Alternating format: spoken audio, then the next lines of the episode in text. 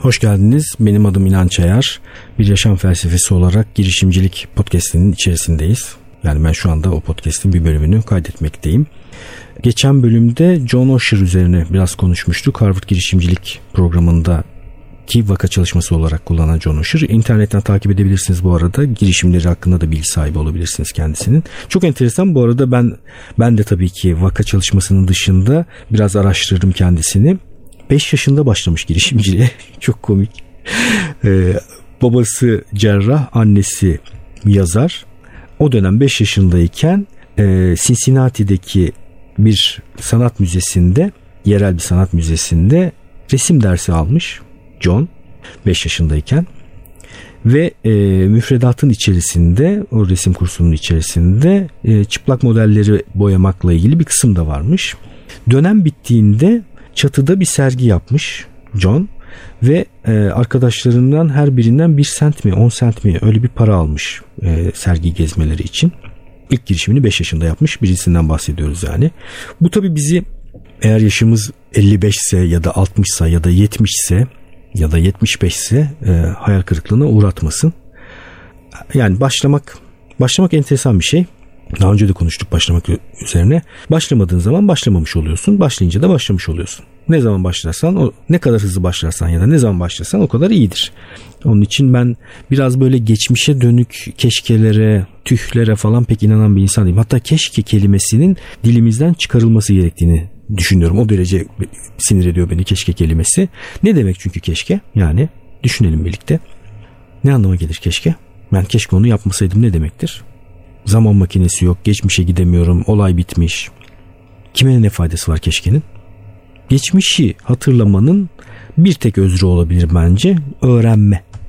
Eğer bir şey öğreniyorsan o hatırladığın geçmişe dayanarak baş, o şeyi başka türlü yapacaksan anlamı var. Onun ötesinde geçmişte yaptığın ileride tekrarlanmayacak ve bir daha hiç yapmayacağın türdeki şeylerin keşkesinin bir önemi yok bence.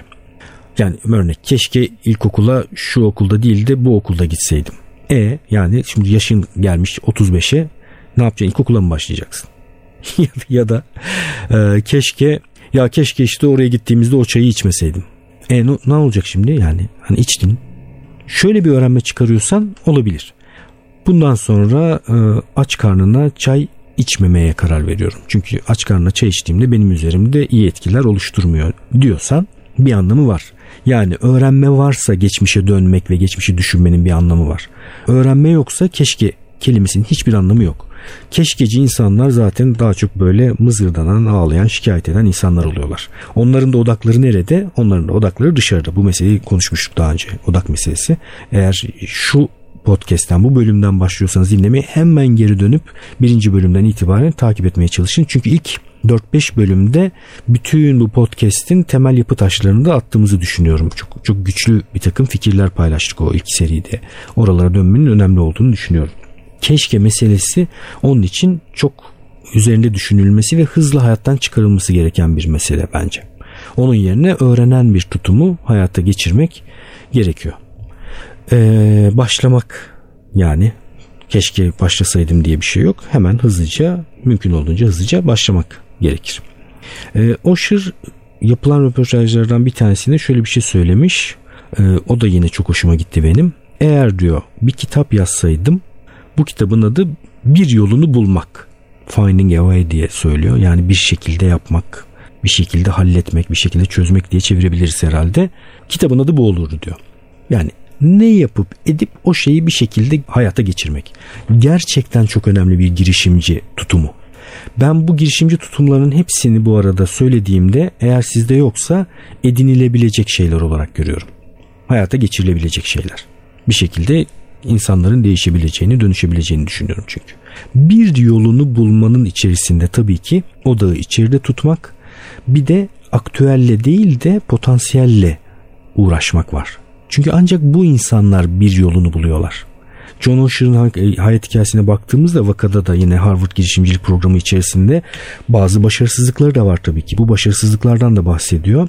Ama her seferinde e, hatta bir kere şey şunu söylüyor vakanın içerisinde yani yatağıma kapanıp iki gün hiçbir yere çıkmak istemediğim oldu ve bunu yaptım da ama ikinci günün sonunda John yani artık çık ve bu işi çöz. Bir şekilde hallet. Bu işi çözmesi gereken kişi sensin dedim kendime ve yataktan çıkacak gücü kendimde buldum diyor. Ee, girişim dünyası biraz böyle yani o kadar enteresan bir dünya ki bir sürü bilinmezlik olduğu için doğru noktada mısın? Doğru insanlarla mı çalışıyorsun? Yaptığın şey doğru mu? Doğru kararlar mı alıyorsun? O şeyi hala yapmaya devam etmen gerekir mi? Yoksa bırakman mı gerekir? Vazgeçmeli misin? Vazgeçme noktası neresi? Gibi bir sürü bilinmezlik ağı içerisinde hareket etmeye çalışıyorsun. Gerçekten çok zor bir dünya. Ee, onun için insanları girişim dünyasına çağırırken ben hep şey hani yavaş yavaş çağırma taraftarıyım. Yani ilk önce bence mesela çok hayatında büyük bir değişiklik yapmadan bir takım küçük girişimler yapabilmeli insanlar. Ancak belli bir noktaya geldikten sonra ve girişim dünyasının kendilerine uygun olduğunu anladıktan sonra başka şeyler yapmaya devam edebilirler diye düşünüyorum. Bununla ilgili anlatacağım bir küçük hikayecik var. Seth Godin benim yine çok sevdiğim uzmanlardan bir tanesi. Pazarlama üzerine özellikle çalışıyor. 20'ye yakın kitabı var. E, Alt MBA diye çok enteresan bir programı var. Sadece dijital olarak MBA programlarına alternatif olarak oluşturduğu bir program. Çeşitli projeler yaparak dünyadan çeşitli insanların bir arada olduğu ekiplerin içerisinde çalışıp üreterek böyle 6 hafta ya da 8 haftalık bir programda bir noktaya getirmeye çalışıyor insanları. İçinde ağır okumaların olduğu, okumalardan sunumların oluşturulduğu ve yapıldığı çok güzel, keyifli bir program. Ee, bu fikre Seth Godin'in bir röportajında rastladım. Bir e, blog yazısında rastladım. Blog yazısının linkini de paylaşırım. inancayar.com podcast sekmesinde. Oradan da bakabilirsiniz. Ee, uzman, podcast'i yürüten uzman Seth Godin'e bir soru soruyor. Diyor ki anlık olarak o anda soruyor bunu. Bana hemen şimdi bir fikir söyle diyor, bir iş fikri. Bu iş fikrini nasıl hayata geçirdin onu söyle. Bir de ilk müşterilerini nasıl bulurdun ondan bahset diyor. Ama bir de şartı var. Hiçbir zaman bu işin içerisinde kendi ismini kullanmayacaksın diyor. Bu işin pazarlamasını oluştururken. Çünkü Seth Godin ismi gerçekten önemli bir isim ve sadece kendi ismini kullanarak bayağı önemli bir mesafe kat edebilir. Kendi ismini kullanmayacaksın diyor. Sadece 1000 dolarlık bir bütçen var diyor. Ve de 90 günlükte bir süren var diyor. Ne yaparsın diyor. Çok güzel bir soru bu arada. Siz de hemen düşünün. Yani bin dolarlık bir yaklaşık bir 4-5 bin liralık bir paranız var. 90 gününüz var. Kendi isminizi kullanabilirsiniz. Meşhur olmadığınızı varsa, varsayıyorum. Yok yok siz de kullanmayın isminizi. Ne yapardınız? Şimdi birden aklıma bir şey getirdi bu. Şimdi vaka çalışmasıyla öğrenmenin çok güçlü olduğunu söylemiştim daha önce. Biz de bir şey düşünelim. Ben size bir tane problem vermiş olayım. Bir problem vereyim ben size. Şimdi girişimci ne dedik? Fırsatlardan faydalanır, girişimci fırsat etrafındaki fırsatları görür. E, yakın çevresindeki insanların problemlerini, kendi problemlerini çözmeye çalışır dedik. Size hatta e, bize verilen ödevden bir ödev vereyim. Harvard girişimcilik programında şu ödevi verdiler bize. Bir tane küçük soru. Çocuk yetiştirdiğinizi varsayalım. Bebeklerle ilgili annelerin babaların hayatını daha kolay hale getirecek bir ürün düşünün ya da bir hizmet. Eğer anne veya da baba değilseniz etrafınızda anne baba olan bir sürü insan vardır muhtemelen. Onların hayatını daha iyi hale getirecek bir şey düşünün. Ve bana yazıp gönderin. Ben de buradan okuyayım fikirleri. Yani okunmasını istiyorsanız okuyayım, okunmasını istemiyorsanız sadece bana gönderin, onu da bildirin. Adınızı da yine okunmasını isteyip istemediğinizi de bildirin, e, ona göre ben de davranırım. Anne babaysanız kendi hayatınızı kolaylaştıracak, değilseniz etrafınızdaki bir anne babanın hayatını kolaylaştıracak bebek yetiştiren bir anne babanın hayatını kolaylaştıracak bir fikir düşünün. Bana gönderin bakalım. Seth Godin bu ödeve kendisine sorulan soruya cevap vermeye başlıyor. Beş tane madde söylüyor. Öncelikle diyor ben diyor pazarlama yaparım diyor ama diyor insanları insanlara doğru insanlara yönelik bir pazarlama yapmam diyor. Çünkü çok sıkıldı insanlar reklamdan, doğrudan reklamdan ve pazarlamadan. Onun yerine e, onların da insan olduğunu düşünürüm ve onlara insan gibi yaklaşırım ve bu işin içerisinde onları katmaya çalışırım. Yani pazarlamanın içerisinde onlar yer alırlar bir şekilde diyor. Ee, daha çok söylediği şey o kadar iyi bir ürün geliştiririm ki zaten insanlar bunu kendi aralarında paylaşmaya başlarlar. Birinci adım bu. Yani insanlara doğru onlara pazarlama hamleleri fırlatma. Onlarla birlikte pazarlamanın aksiyonlarını oluştur. İki, bu çok önemli bence ikinci maddesi düşünebileceğin en küçük kitleyi düşün diyor. Yani öyle çok büyük e, altından kalkılması zor bir takım projeler düşünmeye çalışma. Düşünebileceğin en küçük kitleyi düşün diyor. E, Tabi podcast yürüten kişi soruyor sen ne yapardın bu durumda diyor. Yani senin kitlen kim olurdu diyor. Seth Godin de şöyle bir e, hizmet düşünüyor. Paris'te turistlere Airbnb daireleri bulmalarına yardımcı olurdum mesela diyor. E, sonra diyor ki ama yani sonuçta turistince yine geniş bir kitleden bahsetmiş oluyoruz. Yani Versailles Sarayı'nda e, ailesiyle gezmek isteyen bir Japon ailede olabilir ya da e, Brezilyalı bir iş adamı da olabilir bir iş gezisine gelmiş olur diyor. Onun için biraz daha daraltırdım ben bunu ve şöyle bir kitleyle yola çıkıyor.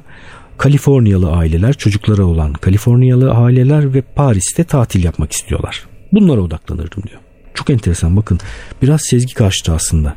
Yani insan Paris'te çocuklarıyla tatil yapacak kaç tane Kaliforniyalı aile olabilir ki diye düşünmek istiyor ama zaten setin burada yapmak istediği de çok özel bir kitleye çok iyi bir hizmet vermek. Çok kaliteli bir hizmet vermek. Üçüncü adımda ne yapardın diye soruyor uzman. Çok değerli bir ürün oluşturdum diyor. Yani değerliden kastı nedir? Adeta o olmadan yaşayamayacağı müşterilerinin bir hizmet ya da ürün düşünürdüm diyor. Yani o kadar beğenecekler ki arkadaşlarına, eşine, dostuna herkese anlatacaklar. Zaten günümüzdeki çok iyi fikirlerin, çok iyi ürün ve hizmetlerin bir şekilde böyle ürün ve hizmetler olduğunu hepimiz yaşıyoruz. Yani çok beğendiğimiz şeyleri arkadaşlarımıza anlatmaktan ayrı bir keyif duyarız değil mi? Yani anlatırız. Ağızdan ağza dolaşır ve birden bir viral etki oluşur ve insanlar o ürün ve hizmetle daha fazla sayıda buluşmaya başlarlar. Dördüncü adım güven oluştururum diyor. Çok ciddi anlamda yüksek güven oluştururum diyor. O kadar yüksek bir güven olurdu ki bu öncelikle tabii ki çok ciddi bir değer oluştururdum. Çok iyi bir bilgi paylaşırdım ve bunun sonrasında bana güvenilirdi diyor. Ve sonra kendi örneğine dönüyor. Yani Kaliforniyalı aile örneğine Paris'te tatil yapmak isteyen çocuklarıyla Kaliforniyalı aile örneğine dönüyor. Mesela diyor Paris'te 50 tane Airbnb dairesi apartmanı bulurdum. Fotoğraflarını çekerdim. 50 sayfalık Paris rehberi oluştururdum diyor. Çok güzel resimlerden oluşan ve çok iyi evlerden oluşan 50 sayfalık bir rehber. Medium'a bir blog platformu ben de arada yazıyorum Medium'da. Medium'a koyardım diyor ücretsiz olarak. Herkesin görebileceği bir şekilde. Sonra diyor etrafımda benim kafamda düşündüğüm bu Kaliforniyalı aile tipine uyan tanıdıkları olanlar var mı onlarla görüşürdüm ve hakikaten onların ihtiyacını karşılayıp karşılamadığını anlamaya çalışırdım diyor. Bakın ne kadar enteresan. Yakıcı bir ihtiyacı karşılamak çok önemli çünkü bir girişim için. Bu ihtiyacı karşılayıp karşılamadığını anlamaya çalışırdım diyor. Eğer zaten bu ihtiyacı karşılaşıyorsa, karşılıyorsa pardon, zaten kendi arkadaşlarıyla da paylaşacaklardır. Bu rehber bir virüs gibi yayılacaktır diyor. Sonra tabii ki bu rehberin bir köşesinde de benim e-posta adresim olurdu diyor. Ve bu e-posta adresine ulaşanlara ben bu rehberlik hizmetini vermeye başlardım diyor. Yani kendi ürün ve hizmetini değerli kılacak ücretsiz bir şeyle başlıyor. Yüksek değer oluşturuyor. Kendisini bir otorite olarak ortaya koyuyor. Yetkisi yani uzmanlığı olduğunu gösteriyor. İnsanlar bu şeyden memnun kaldıkları için bu 50 sayfalık broşürden memnun kaldıkları için ve Seth Godin'i de bir uzman olarak görmeye başladıkları için bu hizmeti ondan satın alma konusunda daha büyük bir ihtiyaç, e, iştah hissediyorlar. Gerçekten çok güzel bir girişimci planı. Sonra da diyor beşinci adım bir şekilde ne yapacağıma karar vermek üzere bir sıkışıklık sıkıntı yaşarsam hani böyle çarklar vardır ya çeşitli üzerinde çarkı felek vardır. Ok döner döner bir şeyde durur. Çarkı felek yapardım döndürürdüm hangisi çıkarsa onu yapardım diyor. Yani ne yaptığının gerçekten hiç önemi yok. Seth Godin'in söylemeye çalıştığı şey bu aslında. Ee, önemli olan o şeyi yapıyor olman diyor. Bunu daha önce Adam Grant'in The Originals kitabından da örneklendirmiştim ben. Ee, bir şey yapıyor olmak o kadar güçlü ki çoğu zaman bu gücün farkında olmayabiliyoruz. Yani ben daha önce size bir örnek vermiştim. Yani şu ana kadar düşündüğünüz fikirleri, işte yapmaya kalkıştığınız projeleri, zihninizde tasarladığınız şeyleri, hayal ettiğiniz şeyleri terazinin bir kefesine koyun. Diğer tarafına da eylemlerinizi, operasyonlarınızı yani bir fikri hayata geçirmek üzere yaptığınız operasyonları koyun. İnanılmaz bir uçurum vardır. Yani ne yaptığımız tabii ki önemli ama yani bir noktada hatta şöyle uca çekim o kadar da önemli değil. Ee, bu fikirle çok sık karşılaşıyorum bu aralar. Ee, mesela bir Twitter bir Twitter'e rastlamıştım şu an uzmanın adını hatırlamıyorum. Bir alanda 100 tane kitap okumanın sadece bir alanla bir insanı değiştireceğini düşünüyorum diyor. Ben de aynı şeyi düşünüyorum. Çok önemli bir şey. Yani ne bileyim ya da günde sadece 500 kelime yazmaya uğraşmak. Bir yıl boyunca ben günde 500 kelime yazacağım dediniz diyelim ki. Hangi kelimeler olduğu ne yazdığınız falan hiç önemli değil. Bir yıl boyunca her gün günde 500 kelime yazan bir insan bir yılın sonunda başka bir insan olacaktır. Bu çünkü çok güçlü bir eylem, çok güçlü bir hareket. Belli bir orana ulaştığında hareketler bir takım sonuçlar vermeye başlıyor. Oransal düşünme deniyor buna. Yani şöyle örneklendireyim. Diyelim ki bir ürünü satmaya çalışıyorsunuz. Telefon görüşmeleri yapıyorsunuz insanlarla ve ürününüzü satmaya çalışıyorsunuz. 15 görüşme yaptınız. Hiçbir ürün satamadınız. Ne yapacaksınız? Vaz mı geçeceksiniz? Vazgeçerseniz aslında oranı görmeden vazgeçmiş olursunuz. Yani ne kadar çaba gösterdiğinizde sonuç aldığınızı görmeden. Aslında doğru olan şey şu çabalamaya devam etmeniz gerekir görmek için. Diyelim ki 35 telefon görüşmesi sonrasında bir ürün sattınız. Sizin görüşmelerinizin satışa dönüşme oranı 35'e 1. Daha önce bu fikirden vazgeçmiş olsaydınız ama bu oranın ne olduğunu da göremeyecektiniz. Çok ilginç değil mi? Başka bir sürü alanda bunu düşünebilirsiniz. Genelde insanların çok görmedikleri yine böyle bir tür e, değerli bir hayat bilgisi ama çok gözümüzün önünde olduğu için de göremediğimiz bir şey. Mesela kendimizle ilgili e, algımız da biraz böyledir. Kendimizi tarif ederken biz yapıp ettiklerimizden daha çok düşüncelerimizle tarif ederiz. Ama insanlar bizim yapıp ettiklerimize bakarak bize bir e, değer biçerler. Çoğunlukla kendini iyi tanımayan insanların da kendileriyle ilgili görüşleriyle insanların onun hakkındaki görüşleri arasında bir uçurum vardır. Neden? Dediğim gibi çünkü çok kendi içinde, kendi dünyasında boğuşmaktadır kişi. Kendisine bir değer biçmektedir. Çünkü bir takım düşünceleri, hayalleri, duyguları vardır ve çok büyük ve zengin bir dünyadır bu. Ama diğer tarafta da terazinin diğer kefesinde de yaptıkları ve ettikleri vardır. En nihayetinde yapıp ettikleriyle bilinir. Yani karşı taraf açınızdan sizin iç dünyanızın hiçbir önemi yok. Çünkü buna ulaşımı yok. Harekete geçirilmemiş, ortaya dökülmemiş, eyleme dönüşmemiş duygu, düşünce hayallerinde pek bir değeri yok ne yazık ki. Onun için bu konuda biraz daha sizleri mümkün olduğunca harekete geçmeye sevk etmeye çalışıyorum. Neyin hareketi hiç önemi yok. Seth Godin'in dediği gibi. Hiç gerçekten hiç önemi yok. Ama bazı kriterler söyleyebilirim. Hem, mesela hemen yarın başlayabileceğiniz bir şey. Uzun süre istikrarlı bir şekilde bozmadan kendinize söz verip yapabileceğiniz herhangi bir şey. Bunun ne olduğunun önemi neredeyse hiç yok. Yani bir takım çizimler yapmaya başlamak olabilir, bir şeyler yazmaya başlamak olabilir, e, video çekip bir yerlere koymaya başlamak olabilir. Bir tane e, 15-20 kişiye ulaştıracağınız bir ürün ya da hizmet tasarlamaya başlamak olabilir. E, gidip bir okulda e, okulun müdürüyle konuşup çocuklara işte haftada bir akşam bir şeyler anlatmak olabilir. Bilemiyorum. Ne, önemi de yok dediğim gibi. Önemli olan hızlı hayata geçirilebilir bir şey olmasıdır. Çünkü benim gördüğüm kadarıyla kendi deneyime dayanarak bunu söyleyebilirim. İnsanlar bir şeyleri düşünürken, tasarlarken, hayata geçirmeye çalışırken genellikle adeta o şeyi yapamayacakları kadar büyük bir hale getiriyorlar da ondan sonra rahat ediyorlar. Oh be artık yapamam şunu neredeyse diyorlar yani böyle hani o kadar büyük bir şey tarif ediyor ki halbuki sizin düşündüğünüz hemen hemen her şeyin bir küçük versiyonu düşünülebilir. Yani önce o küçük versiyonuyla başlayabilirsiniz. Nasıl örnek verebilirim? Mesela küçültmekle ilgili nasıl bir örnek verebilirim? Dünya mutfağından çok güzel yemeklerin içinde bulunduğu 100 e, kişilik bir restoran girişim olarak kurmak istiyorsunuz. Onun sahibi olmak istiyorsunuz.